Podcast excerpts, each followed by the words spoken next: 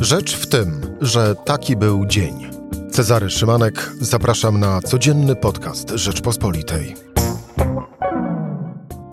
Poniedziałek, 14 marca, 19 dzień rosyjskiej inwazji w Ukrainie. W tym roku inflacja średnio powyżej 10% w Polsce. W przyszłym niewiele poniżej, a na dodatek spowolnić ma gospodarka. Rodzi się więc podstawowe pytanie, czy kryzys gospodarczy puka do naszych drzwi i jak głośno. A spróbuję na nie odpowiedzieć Grzegorz Ściemiończyk. Rzecz w tym, że zapraszam Cezary Szymanek. Słuchaj na stronie podcasty.rp.pl. Włącz Rzecz w tym w serwisie streamingowym. Grzegorz Ściemiończyk, dziennikarz działu ekonomicznego. Grzegorz, dzień dobry. Dzień dobry, kłaniam się. Oczywiście. E, Rzeczpospolitej. E, stagflacja. Wytłumacz proszę to pojęcie. No, stagflacja to jest e, połączenie stagnacji i inflacji, czyli zatrzymanie wzrostu gospodarczego w połączeniu z e, wysoką inflacją. Dla zwykłego Kowalskiego stagflacja oznaczać może co, jeżeli się e, z takim czymś spotka? Dobre pytanie. No, w normalnych warunkach oznaczałaby pewnie jakiś wzrost bezrobocia, jakieś, jakieś kłopoty gospodarstw domowych, ale w polskich warunkach jest to właściwie mało prawdopodobne. To znaczy, wielu ekonomistów e, uważa, że problem bezrobocia w Polsce minął raz e, na zawsze. E, też rozmawiałem ostatnio z kilkoma członkami Rady Polityki Pieniężnej. Pytałem ich o to, czy oni, jaka jest granica ich cierpliwości w walce z inflacją, czy oni są w stanie dławić tę inflację wszelkim kosztem. E, I oni mówią wprost, że mm, nie będzie dużego kosztu, bo nawet jak gospodarka się rzeczywiście zahamuje i stłumi aktywność, to ze względu na, naszą, e, na nasze problemy demograficzne tu bezrobocia nie będzie. Czyli wydaje mi się, że taki czarny scenariusz to jest po prostu wyhamowanie ewentualnie wzrostu płac i mm, realny spadek e, wynagrodzeń, znaczy spadek siły nabywczej wynagrodzeń. Mm, ale czy, to, czy, czy, to, czy, czy wtedy można by mówić o kryzysie? Wątpię. Wydaje mi się, że to jest łagodny wymiar kary. Łagodny wymiar kary za to, co dzieje się obecnie, ale jeszcze pozostając na chwilę przy owej stagflacji, pytam o nią nie bez powodu, no bo e, chyba dziś pierwszy raz tak publicznie ze sfer rządowych wybrzmiało słowo stagflacja, bo Paweł Borys, szef PFR-u, powiedział, że w przyszłym roku Polsce grozi e, stagflacja, a właściwie może się pojawić. E, no to jest chyba takie pierwsze publiczne podejście do tematu oswajania w przestrzeni publicznej tego, że w gospodarce będzie ciężko, bo będzie. Ekonomiści z PKO BP jakiś czas temu e, pisali, że e, jest duża niepewność e, dotycząca tego, jak wojna w Ukrainie wpłynie na polską gospodarkę, e, ale w każdym z możliwych scenariuszy to będzie scenariusz stagflacyjny. To znaczy nie mówili wprost o, o stagflacji, tylko pewnym przybliżaniu się do tego e, stanu, który mm, zarysowałem na początku. A mm, ta wypowiedź Pawła Borysa, ona też jest taka warunkowa, że powie, że nawet jeśli coś takiego się wydarzy, to to będzie krótkotrwałe e, zjawisko. I wydaje mi się, że mu chodziło w dużej mierze o to, że ten, ta wojna w Ukrainie ona spowoduje pewne ograniczenia podaży. To znaczy, na przykład teraz wiemy, że nie, nie będzie drewna e, z Rosji i Białorusi. My jesteśmy ważnym, jakby dużym, dużo, dużo stamtąd tego drewna importujemy, więc jest możliwe, że niektóre branże po prostu staną, nie będą w stanie produkować. Natomiast nadal to nie oznacza takiego. Mm, takiego kryzysu, jak, o, jakiego my się martwimy, znaczy takiego kryzysu z perspektywy konsumenta. Tak? No ale no właśnie, to z perspektywy konsumenta, który niekoniecznie codziennie potrzebuje owego drewna wspomnianego przez ciebie, to jednak codziennie potrzebuje żywności i codziennie potrzebuje e, zarówno e, paliw, jak i również energii, e, energii elektrycznej. E, ostatni e, raport Departamentu Analiz i Badań Ekonomicznych NBP pokazuje, e, że zarówno żywność, jak i szeroko rozumiane paliwa, czyli energia elektryczna i benzyna, ropa, gaz będą, e, będą rosły. E, w tym roku e, żywność o niemal 20%, 25%, a paliwa o 60%. No to jak to nazwać inaczej, jak nie no dobrze, może nie do końca kryzys, ale no właśnie. Jak... Poprawię cię, te, te liczby, które przytoczyłeś, one dotyczą wzrostów przez 3 lata. 2022, 2024. Tak. tak, tak, tak. I to faktycznie jest e, e, ogromny, ogromny skok, ale e, trzeba pamiętać o tym, że kiedy my mówimy o stagflacji, o zatrzymaniu się wzrostu gospodarczego, myślimy o wartościach realnych, czyli myślimy już o tych wartościach skorygowanych o tę inflację. Czyli gdybyśmy założyli, że gospodarka realnie stanie w miejscu, to ona nominalnie też urośnie o te 40-50% po prostu będzie wysoka inflacja i można oczekiwać, że tak samo się zachowają płace. Jakby nadal y, to, to na pewno będzie niekomfortowa i nieprzyjemna sytuacja, bo, bo, bo my nie lubimy, jak tam wszystko drożeje. Natomiast y, z takiej perspektywy dochodowej to nadal nie wydaje mi się, żeby tu był y, jakiś, jakiś dramat. Warto też zwrócić uwagę na to, że ta wojna w Ukrainie, ona mimo wszystko może mieć też pewne, e, ona, ona powoduje te problemy z podażą niektórych surowców, ale może też mieć pewne pozytywne e, konsekwencje dla gospodarki. No, na przykład dzisiaj znowu odwołując się do analiz e, PK, PKO BP, do danych z kart płatniczych, które oni agregują, a są największym bankiem w Polsce, mają te dane bardzo dobre, wynika, że w, w pierwszym tygodniu marca wydatki w drogeriach i w aptekach wzrosły o 20% w stosunku do średniego tygodnia z lutego. A wiesz dlaczego? Bo, bo, bo Polacy, kupują, tak, Polacy kupują pomoc dla uchodźców z Ukrainy. No więc właśnie o to chodzi, że, ten, że, że, że, że, że na razie wydaje się, że ten taki bieżący popyt związany z większą liczbą ludności w Polsce i z tą pomocą e, dla Ukrainy kompensuje ten spadek wydatków konsumpcyjnych wynikający z jakiejś takiej niepewności, z zawahania, z tego, że my się boimy inflacji, wyższych stóp i tak dalej. E, I to jest jeden z tych e, pozytywnych e, czynników. Drugi, napływ inwestycji. Cała masa firm ucieka z Rosji, one gdzieś muszą te swoje fabryki, zakłady ulokować i prawdopodobnie to będą inne kraje Europy Środkowo-Wschodniej. My na tym korzystaliśmy przez cały okres pandemii, konsekwentnie zwiększaliśmy udział w, w, unijnym eksporcie i prawdopodobnie tak się będzie działo y, nadal. No i trzecie, y, trzeci czynnik, który moim zdaniem chroni nas przed tą stagflacją, to jest ekspansywna polityka fiskalna. Y, ona, ona to też może nie będzie w tym roku, ale w przyszłym roku trzeba wydać na służbę zdrowia więcej, na edukację, żeby przyjąć tych uchodźców no, jest, i na zbrojenia. Jest, no właśnie, wydatki na zbrojenia. Więc ten moment, kiedy to hamowanie gospodarki w tych scenariuszach stagflacyjnych miałoby się wydarzyć, to on akurat y, przypada na ten moment, kiedy będą y, te, te, te, te długoterminowe czynniki prowzrostowe z tej wojny mogą się zacząć ujawniać. Więc to, moim zdaniem to jest bardzo, bardzo niepewny scenariusz. Spać spokojnie, czy, czy jednak mimo wszystko ten sen nie, po, nie powinien być aż tak dobrym, patrząc na to, co dzieje się w takim razie, jeżeli chodzi o polską gospodarkę, spinając klamrą to, co przed chwilą mówiliśmy? Ja bym jednak spał spokojnie. Może nie posunąłbym się do tego, jak, jak, jak e, prezes Glepiński ostatnio mówił, że pobieranie gotówki z bankomatów to jakaś skrajna głupota. Na pewno jakiś bufor płynności warto mieć, ale, ale nie, nie, nie, nie panikowałbym. No to skoro sam wywołałeś wilka z lasu, czyli prezesa NBP Adama e, Glapińskiego i jak też się w nowej roli przedstawiał Jastrzębia na czele e, Jastrzębi, postawię sprawę inaczej.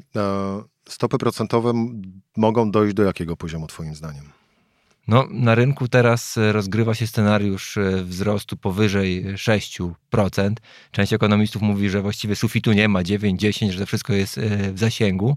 Ale ci ekonomiści, którzy muszą faktycznie jakieś prognozy formułować i które takie prognozy jakby nie, nie, na Twitterze i nie publicystyczne e, dla, dla lajków, tylko takie, które muszą zapisane w jakichś raportach, które są potrzebne ich e, pracodawcom, to oni raczej ciągle mówią o 5, 5,5% i mało tego ciągle w grze jest scenariusz, że te stopy szybko wzrosną, a potem w 2023 roku zaczną maleć. Co jest potrzebne do tego, żeby te stopy zaczęły maleć? Oprócz tego, że inflacja musi spaść, no ale inflacja spadnie, musi, jeżeli... Ona nie musi spaść. Ona, ona pro, prognozy wspomnianego przez ciebie Departamentu Analiz i Badań Ekonomicznych 9%. muszą pokazać w 2000, one muszą w 2023 roku pokazywać, że w 2024 roku inflacja będzie zbiegała do celu i to będzie już wystarczający argument wystarczający argument do, do obniżki, ale dobrze, to teraz w takim razie jak pogodzić to wszystko w, jednym tym wspólnym gospodarczym e, kotle? Czyli e, bardzo ekspansywna polityka e, fiskalna, wysoka inflacja, no i właśnie podwynoszenie stóp procentowych po to, aby o, zawalczyć o owe, obniżenie owej inflacji. No i do tego mamy jeszcze tempo rozwoju naszej gospodarki, czyli sławetne PKB. No, NBP też prognozuje pewne spowolnienie i to, tam, tam, to spowolnienie było do 3% w przyszłym roku. I to wygląda na dosyć e, konserwatywny, ostrożny szacunek ponieważ te projekty są sporządzane przy założeniu, że stopy się nie zmieniają. My wiemy, że one będą zdecydowanie większe, w związku z tym tam pewnie jeden punkt procentowy od tego wzrostu e, zostanie odjęty. I to są, szczerze powiedziawszy, najbardziej pesymistyczne e, prognozy, które ja 2, widziałem 2% w między 1,5 a 2% w, przyszłym roku. Przy inflacji na poziomie około 9%. 9%. Tak, ale to znaczy, nadal to znaczy nominalny PKB rośnie o kilkanaście procent. A na portfel zwykłego Kowalskiego w takim razie to jak się przełoży? No ja z tych e, e, prognoz czytam, że e, pierwszy raz od dłuższego czasu może dojść do sytuacji takiej, że inflacja przewyższy wzrost przeciętnego wynagrodzenia. No to będzie oznaczało, że spadnie rzeczywiście siła nabywcza dochodów. No, oznacza tak naprawdę, że będziemy po prostu mieć mniej pieniędzy na zrobienie tych samych e, zakupów, ba te same zakupy będą kosztowały jeszcze więcej. Tak, że będzie nas stać e, na mniej. na mniej. I teraz tu jest bardzo ciekawy e, wątek, bo wielu ekonomistów, którzy, którzy się z tym liczyli od dłuższego czasu, mówili, że taka sytuacja może wystąpić, wskazywała, dobra, nie ma co się tym przejmować, ponieważ my mamy skumulowane oszczędności z czasu pandemii, kiedy nie mogliśmy wydać pieniędzy i teraz sobie to przeznaczymy na tak zwane wygładzenie konsumpcji, czyli nadal będziemy wydawać wydawać tyle samo, tylko po prostu sobie z tych oszczędności... Będziemy przejadać oszczędności. Czerpniemy, tak, ale ostatnio e, Marcin Mazurek e, z banku zwrócił mi uwagę na ciekawe zjawisko, ponieważ e, te wypłaty pieniędzy z bankomatów, te zakupy twardych walut, to wszystko zamienia te oszczędności na wygładzanie konsumpcji na takie oszczędności na czarną godzinę, które nie będą ruszone w takim, w takim scenariuszu. I, I to oznacza, że prawdopodobnie rzeczywiście ta konsumpcja może przez jakiś czas no, zatrzymać się. Może nie, nie, nie, nie powiedziałbym, że spadnie, ale może się zatrzymać. Taki będzie. No to w takim razie spróbujmy to wszystko e, podsumować, czyli nakreślmy tą rzeczywistość no, chyba na dłuższy okres niż do końca tego roku, potencjalnie z jakimś tam prawdopodobieństwem e, możemy to zrobić, bo w dłuższym terminie to raczej będzie zbyt e, trudne i skomplikowane. Ale tak, ten rok. Poziom inflacji, jaki możemy obserwować? W tym roku ja bym stawiał średnio, że to będzie między 9 a 10%, raczej bliżej 9%. Czyli mniej niż prognozuje Narodowy Bank Polski. E, Narodowy Bank Polski sporządził tę prognozę przy założeniu e, braku zmian stóp procentowych, ale te zmiany stóp procentowych e, oddziałają na inflację dopiero w przyszłym roku, ale też przy kluczowym założeniu, że tarcza wygasa zgodnie z rządowym planem, czyli w lipcu ona na 99,9% zostanie przedłużona do końca roku, a nawet pojawiały się głosy, że do końca końca 2023 roku. No i to oznacza, że ta inflacja będzie tam mniej więcej o 1,5 punktu procentowego niższa niż w tej e, niż w tej projekcji, czyli to właśnie wychodzi około 9% i to jest zbieżne ze scenariuszami większości ekonomistów. No, konsekwencją tego będzie niestety wyższa inflacja w przyszłym roku i wtedy ta inflacja w przyszłym roku być może będzie około 10%, e, zamiast 9, jak prognozował NBP, z tym, że to znowu dużo zależy od cen surowców, a te są dosyć nieprzewidywalne. Tak samo jak nieprzewidywalna jest sytuacja ge ge geopolityczna. E, no właśnie, wspomniałeś o tarczy antyinflacyjnej.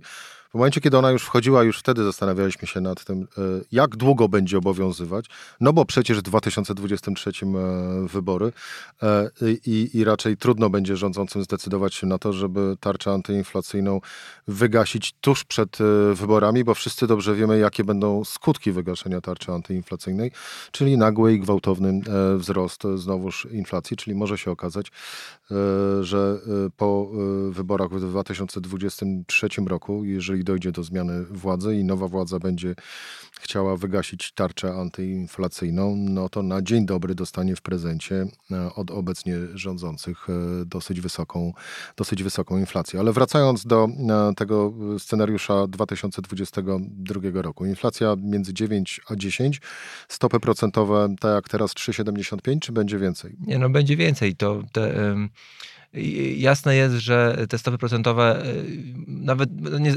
zostawiając to na boku, dokąd one dojdą docelowo, to jasne jest, że one muszą rosnąć w krótkim terminie, bo y, w krótkim terminie mm, jedynym narzędziem y, walki z inflacją jest ten mechanizm kursowy, czyli umocnienie złotego.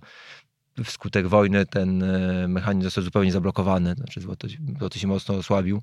No i tak naprawdę Rada Polityki Pieniężnej jest trochę zakładnikiem rynków finansowych. Ona musi robić to, czego oczekuje rynek. Jeśli rynek oczekuje, że te stopy wzrosną do 6%, to ona będzie musiała do tych 6% podnieść, o ile nie zmienią się oczekiwania. A oczekiwania się nie zmienią dopóty, dopóki mamy wojnę i słabnącego złotego.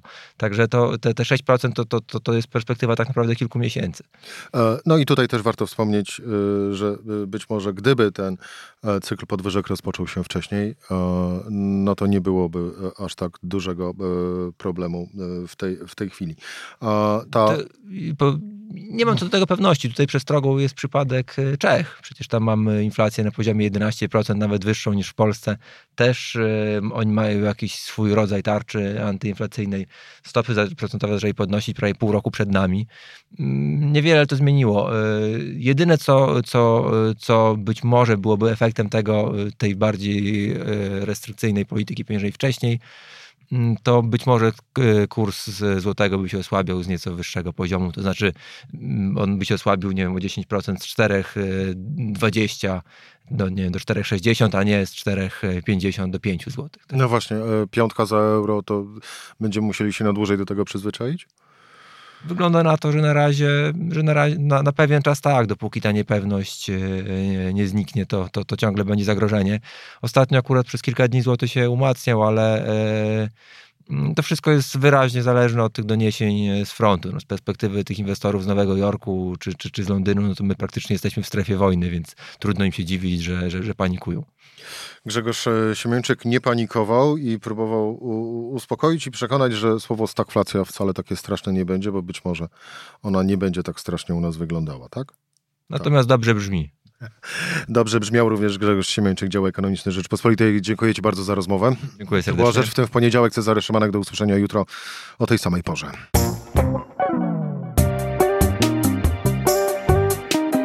Rzecz w tym to codzienny program Rzeczpospolitej. Od poniedziałku do czwartku o godzinie 17.